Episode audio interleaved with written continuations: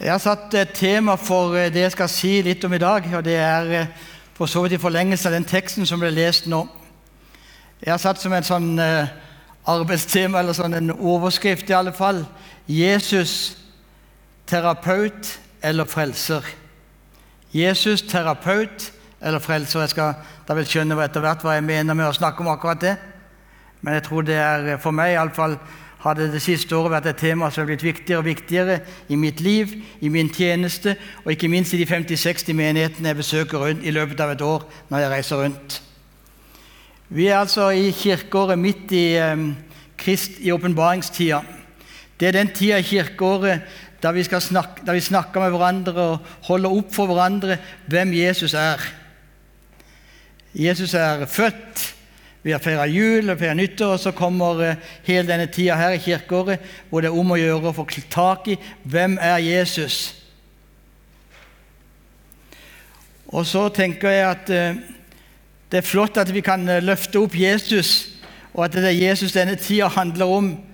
Nå vet jeg, Det kan godt være det er mye bedre her, men jeg tenker i mitt eget liv i alle fall, og også når jeg reiser rundt og hører eh, kristne mennesker uttale seg, og jeg er i forskjellige kirker og hører forskjellige prekener, så tenker jeg at eh, Jesus på en eller annen måte Vi tror jo på han alle sammen, men han blir jo på en eller annen måte en salderingspost. Det er sakene vi snakker om, det er prosjektene vi snakker om, det er arbeidet vi snakker om. Hvis vi snakker i det hele tatt om at vi er kristne, at vi er en menighet, eller hva vi er for noe. Og så sa en, eh, den nye biskopen i Stockholm eh, hadde et stort oppslag i avisen Ekspressen for en kort tid siden. Og Da sier denne biskopen folk, det er merkelig med denne svenske kirken. Vi holder på med alle mulige saker, men det det egentlig handler om, det er Jesus som er greien. Greien sier de bare i Sverige og i Bergen. Det er, Jesus, det er Jesus det handler om. Det er Jesus som er greia. Det er Jesus som er hovedsaken. Det er jo han som har gitt Gud et ansikt. Det er jo han som viser oss hvem Gud egentlig er. Det er han som sier om seg sjøl at det er han som er veien, sannheten og livet. Og Derfor tenker jeg noen ganger det er merkelig at det så, blir så lett så taus, at det blir så lett for sagt når det gjelder dette. Det er Jesus det handler om. Det er Jesus som er greia. Og Derfor syns jeg det er flott når jeg reiser rundt og så hører jeg folk synge David André Østby sang 'Gi meg Jesus, bare Jesus', 'Gi meg Jesus, bare Jesus'. Og jeg ser hvordan det begeistres rundt om når det, når det synges. Men jeg har tenkt også når jeg har sunget den sangen med begeistring og til og med oppløfta hendene noen ganger 'Gi meg Jesus, bare Jesus'. Men så har jeg tenkt Men hvilken Jesus? Gi meg Jesus. Hvilken Jesus? For det er så mange ulike Jesuspersoner til ulike tider. Det er så mange ulike vektlegginger til ulike tider, og så mange ulike vektlegginger i ulike forsamlinger og blant ulike mennesker. Og Jeg spør eh, ofte mister vi noe, eller har vi mista noe. Og Det er det spørsmålet som har vært brennende for meg dette siste året. Har vi mista noe i dag? Vi snakker om Jesus noen ganger som helten, noen ganger som terapeuten, noen ganger som forbilde, noen ganger som forsoneren. Men hvilken Jesus blir det viktig, er det viktig å snakke om? Og står vi stadig vekk i fare for at vi velger ut én Jesus? Enten blir det bare milde Jesus, du som sagde, eller så kan det bli virkelig den, den som står foran og gjør de revolusjonære tingene. Hvilken Jesus? Og Derfor er det min bønn at vi skal få lov til å se enhver menighet enhver kristen skal få lov til å oppleve at Jesus er den som vi trenger, både her i livet og i all evighet. Og Den teksten og den bønnen som jeg har bedt eh, lenge, lenge, lenge, det er fra Efeserbrevets kapittel 3. En bønn som mange der kanskje kjenner og har bedt. Efeserbrevet 3 fra vers 14. Derfor bøyer jeg mine knær for Far han som har gitt navn til alt som kalles Far i himmel og på jord. Må Han som er så rik på herlighet, gi deres indre menneske kraft og styrke ved sin ånd. Må Kristus ved troen bo i deres hjerter, og dere stå rotfestet og grunnfestet i kjærlighet. Må dere sammen med alle de hellige bli i stand til å fatte bredden og lengden, høyden og dybden, ja, kjenne Kristi kjærlighet som overgår all kunnskap må dere bli fylt av hele Guds fylde, Han som virker i oss med sin kraft, og som kan gjøre uendelig mye mer enn det vi ber om og forstår. Ham være ære i Kirken og i Kristus Jesus gjennom alle slekter og evigheter. Amen.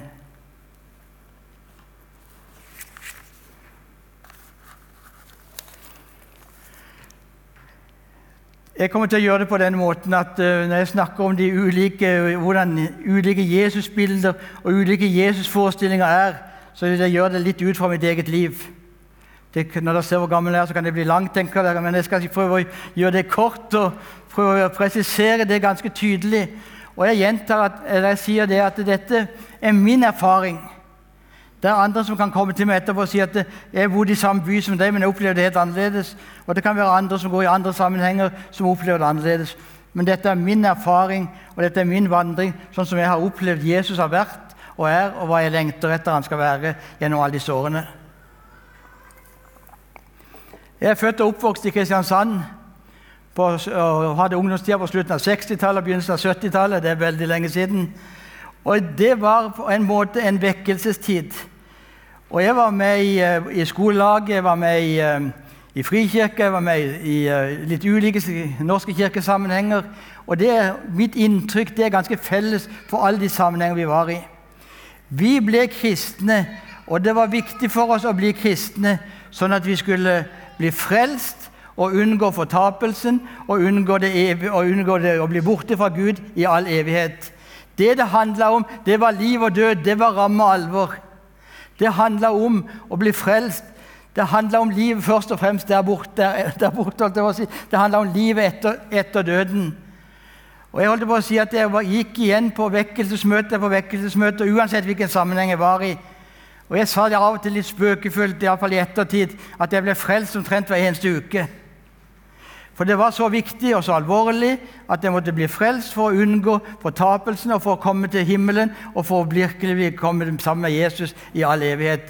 For alternativet var veldig dårlig.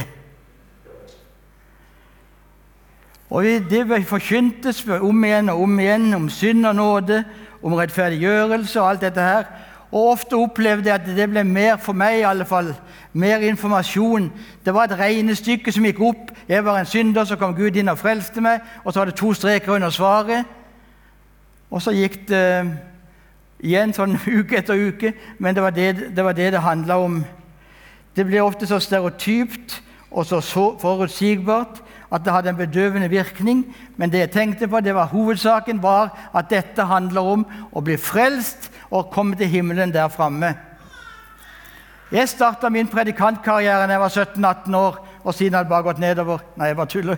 Men jeg, var på toppen av min predikantkarriere og var skikkelig predikant da jeg var 17-18 år. Vi holdt vekkelsesmøter i Kristiansand by sammen med en verdig professor etter hvert, Helge Kvanvik. Og Vi drev og holdt på, og vi hadde samme budskap hvor viktig det var for ungdommene å søke Jesus og bli frelst, unngå fortapelsen og få tak i det evige livet. Og mange, mange ble kristne. Det var vekkelsestider, men det handla hele tida om Jesus som frelseren, som han som redder oss for det livet der fremme.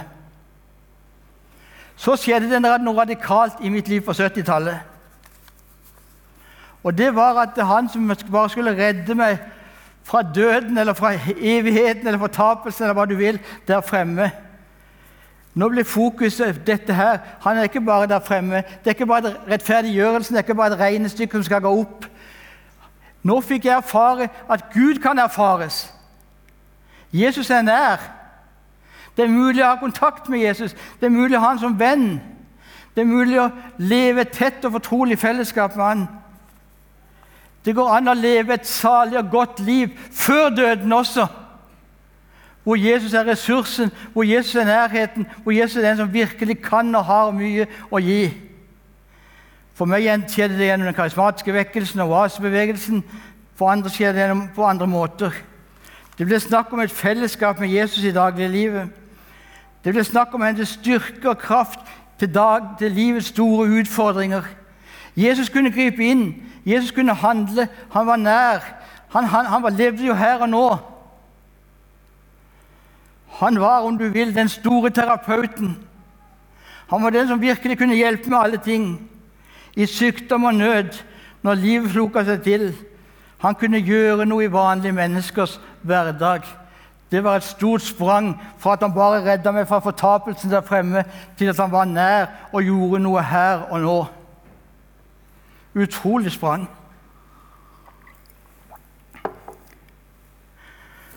Og så er det sånn at det, det ble sånn at vi søkte erfaringene, opplevelsene.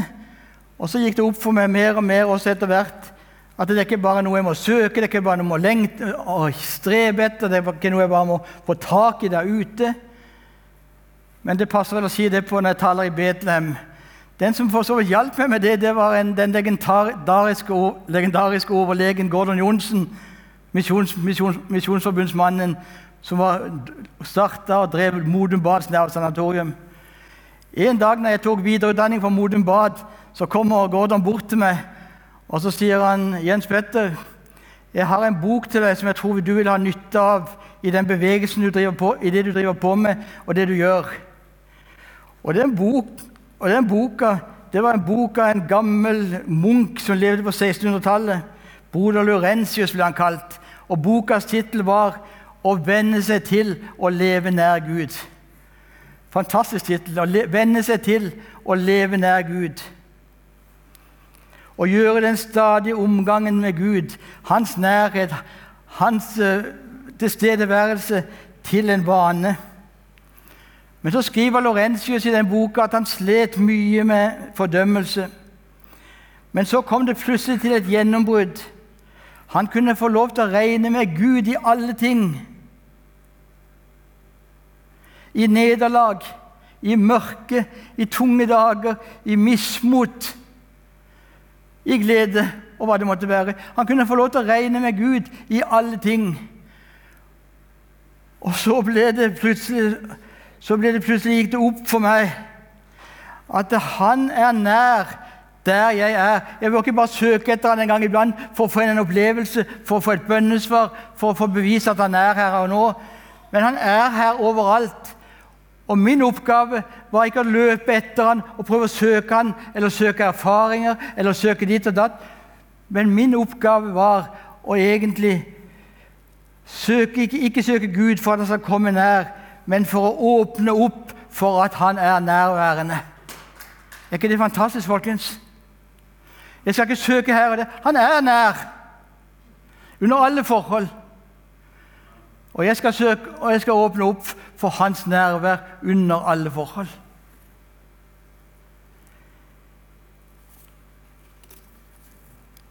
Og så opplevde jeg at denne nærheten, at Jesus er nær. Han er en venn, han er en terapeut som hjelper med hverdagens små og store problemer når det er høyt der oppe og det er lavt der nede, og de fleste dager når det er på midten. Så skjønte jeg plutselig, jeg som hadde vært oaseleder og talt om Den hellige ånd i hele mitt liv, eller hele mitt voksne liv, så oppdaget jeg da også plutselig at en annen av de gamle heltene, han var enda eldre, han levde på, på, på første århundre. Og han het, han het Irenius. Og den Irenius han hadde en merkelig, han fortalte det som jeg nå snakker om, på en spesiell måte. Biskop Irenius på 100-tallet han forklarte treenigheten på følgende måte. Nå er det jo en risikoprosjekt å forklare treenigheten. Jeg tenker at treenigheten er noe som mer, mer bør tilbes. Men om det skal forklares, da, så sier Irenius følgende Gud Fader har to hender. Den ene hånda er Jesus, den andre hånda er Den hellige ånd. Og hva er Helligåndens oppgave? Det er å ta alt, det, ta alt det Jesus har, alt det Jesus er, og føre inn i de troendes hjerter. Forflytte Jesus fra himmelen, om du vil, fra historien, om du vil, og inn i våre hjerter her og nå. Det var det utrolig. Da kan, alle, da, kan alle ting, da kan alle ting skje. Jesus er ikke bare fortid. Jesus er ikke bare en historisk person. Jesus er ikke bare far til himmelen, men Jesus er her og nå. Og Åndens oppgave om og om igjen er å ta alt det Jesus har, og gi, oss til, gi det til oss som menighet, og gi det til oss som, som kristent fellesskap og personlige, og personlige kristne. Ta alt det Jesus er og har. Det er ikke et fantastisk uttrykk for hva ånden gjør? Han tar alt det Jesus er og har, og fører det inn i den troendes hjerte. Så Jesus ikke bare blir historisk, så Jesus ikke bare blir noe i himmelen, men som Jesus blir nær her og nå. Det kunne være fritt til å si halleluja, jeg skal spare meg for det.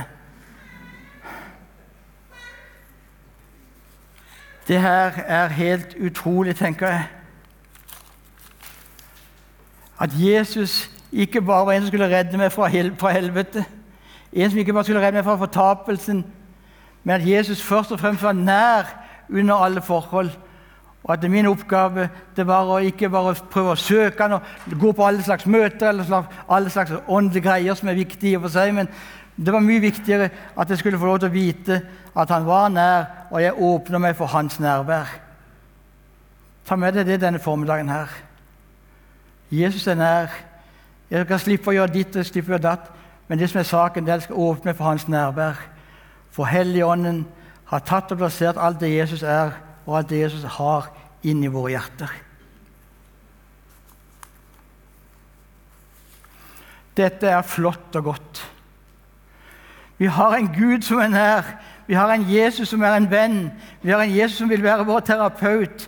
Vi har en Jesus som vil hjelpe oss i alle, alle situasjoner. Det går an å leve i et personlig forhold til Han. Kristendom og tro er først og fremst relasjon. Det er nærhet, det er fellesskap. I gode og onde dager, under alle forhold. Han er nær. Vi åpner oss for hans nærvær. Vi går denne veien sammen med han. Og Det inviteres vi stadig vekk til. For det blir ofte salderingsposten i veldig mye kristent arbeid og veldig ofte i mitt eget liv. At kristendom lett blir aktiviteter, at kristendom lett blir meninger. Men det er snakk om et liv, det er snakk om en relasjon, det er snakk om et fellesskap. Jeg takker Gud for at, det, at, ikke, at ikke ble værende på 60-tallet, om du vil, for å være i mitt liv og min troshistorie. Men det kom et 70-, 80- og 90-tall hvor jeg fikk lov til å erfare at Gud er nær, og Gud handler, og Gud virker. Og så til slutt eller ikke til slutt, men det siste punktet mitt. Og Da kan, kan ikke vente noe annet enn en gammel mann som kommer her og sier at jeg er bekymra. Det passer for folk i min alder. Jeg er vanligvis ikke bekymra som person, som type. Jeg har, eh, skulle kanskje vært mer bekymra. Jeg, jeg, er ikke bekymra verken for det ene eller det andre, stort sett. Men jeg er kjempebekymra for at vi i våre små fortellinger, i våre små liv, er i ferd med å miste den store fortellingen. Og Det er mitt anliggende. Jeg, jeg, skal, jeg sier ikke noe Jeg holder fast på alt jeg har sagt. Det er, jeg er urolig for om vi har mista fortellingen om hvorfor Jesus måtte dø.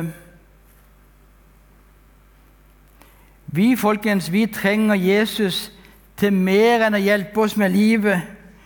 Vi trenger Jesus til mer enn å ta tak i dette som han heldigvis vil gjøre og fortsatt vil gjøre. Ta tak i det som er små, livets små og store utfordringer og problemer. Gi oss inspirasjon til å leve målretta i denne verden, til å være noe for andre mennesker der de lider, og der de er i nød. Vi trenger Jesus til mer, for problemet vårt er dypere. Problemet er dypere. Jeg trenger Jesus til mer enn å bare løfte opp med mine problemer. Problemet mitt er mye mer radikalt og mye dypere. Og Jeg merker at det er så sjelden jeg taler om dette. Det har begynt å våkne opp igjen det siste, det siste året, om du vil. Jeg merker at når jeg tar disse ordene i min munn, så tenker jeg åh, er det sant? Ja, vi bekjenner det hver eneste søndag formiddag i den verdensvide kirke. Vi sier det overalt, uansett hva slags merkelapper det er på oss, uansett hva slags form det er på gudstjenesten, så sier vi det igjen og igjen. Det er nok vi skal snakke om. Vårt største problem det er at vi er fiender, i utgangspunktet fiender mot Gud. Vårt, mitt og ditt dypeste problem er min synd. Og da trenger jeg mer.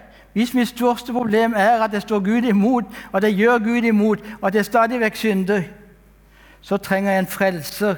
En frelse som kan frelse meg igjen med disse sterke ordene, men som er hele den kristne kirkes bekjennelse til alle tider. Da trenger jeg en frelser som kan frelse meg fra synd, fra død og fra dom. Men når fortapelsen er avlyst, og synd og død ikke lenger eksisterer mye kristen vokabular, så blir det evige liv et eller annet diffust langt der borte. At Gud setter rammer for livet og stiller til ansvar. Mer enn at vi bare trenger forståelse og omsorg, og ikke oppgjør til nytt liv. Der står mye på spill, og jeg lurer på ofte henger den åndelige situasjonen i vårt land og i vår kirke sammen med at den store fortellingen ikke fortelles lenger. Den store fortellingen.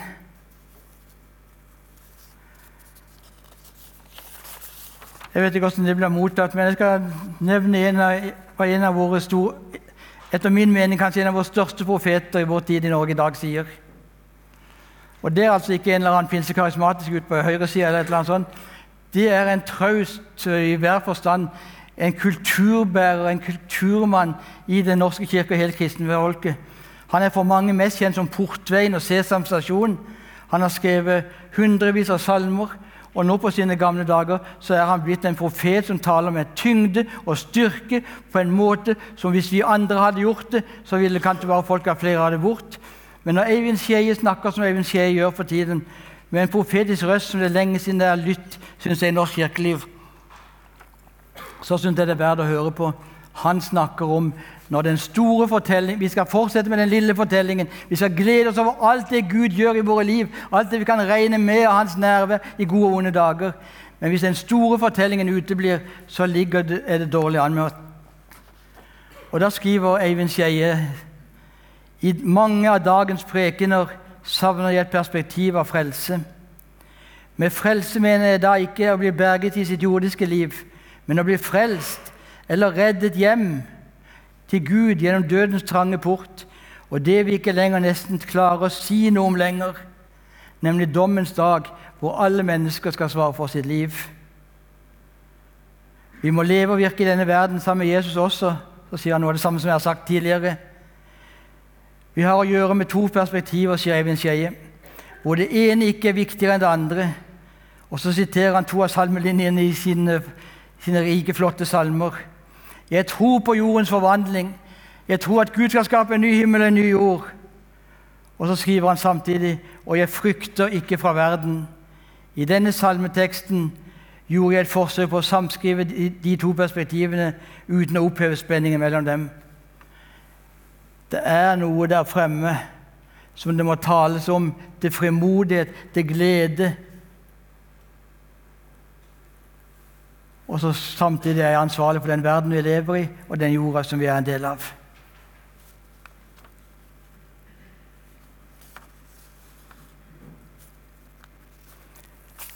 Dette er for meg kampen om evangeliet. Evangeliet handler, har eh, denne nære dimensjonen som vi snakker om at Gud tilgir oss og Gud er for oss, men det har større, det er større bak, et, et større bakteppe. Og Det er viktig at evangeliet ikke bare blir et bakteppe som noe som vi selvfølgelig kan, som noe som vi selvfølgelig vet, som bare ligger der. Men at evangeliet, det bakteppet, får være det som preger alt det som er utgangspunkt for alt det vi gjør, og for alt det vi sier, og for alt det vi virker. På korset spør Jesus, og nå er jo evangeliets kjerne På korset spør Jesus oss hver eneste, hver eneste menneske vil du bytte med meg. Jesu død og oppstandelse etablerer et forunderlig bytte som forandrer alt. På korset spør Jesus, 'Vil du bytte med meg?' Gi du meg det som er ditt, så gir jeg deg alt det som er mitt.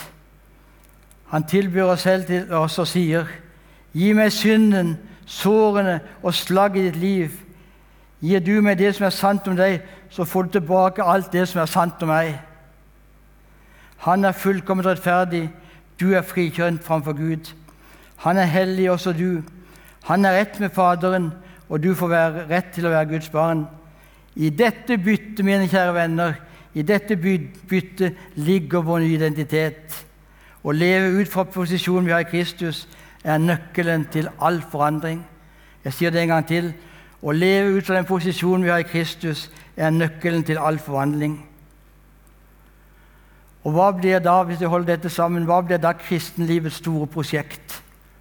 Hva handler det egentlig om å vokse og komme videre som kristen og menighet? Det handler om å forbli det vi er. Forbli det vi har. Hele kristenlivets prosjekt handler om ikke å ta seg sammen, ikke å gjøre ditt og datt, men det handler om å bli det vi er. Vi som er ved Jesu død og oppstandelse. Ved Jesus seierrik oppstandelse så er vi hellige, vi er rettferdige. Vi er satt med Kristus i himmelen. Vi har alt. Og dette livet, det skal være utgangspunktet. Hvordan skal jeg forandres? Ikke ved at jeg tar meg sammen, ikke ved at jeg hører nye selvhjelpsprekener om hvordan jeg kan gjøre sånn og sånn og sånn, og sånn og sånn, og sånn, så vil det bli bedre liv for deg. Det er godt så langt det rekker, men det rekker ikke langt nok. Hvordan skal jeg bli forvandla? Ved å speile meg jeg sier det en gang til ved å speile meg i Han som led, Han som døde, Han som oppsto, Han som kommer igjen, Han som bærer den store fortellingen. Og mister vi den store fortellingen, så mister vi evangeliet. Da mister vi misjonsinteressen. Da mister vi alt.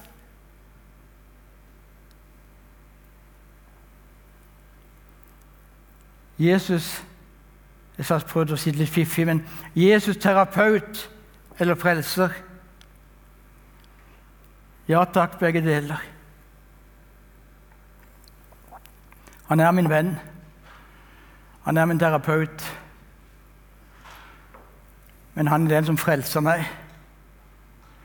fra synden, døden og dommen.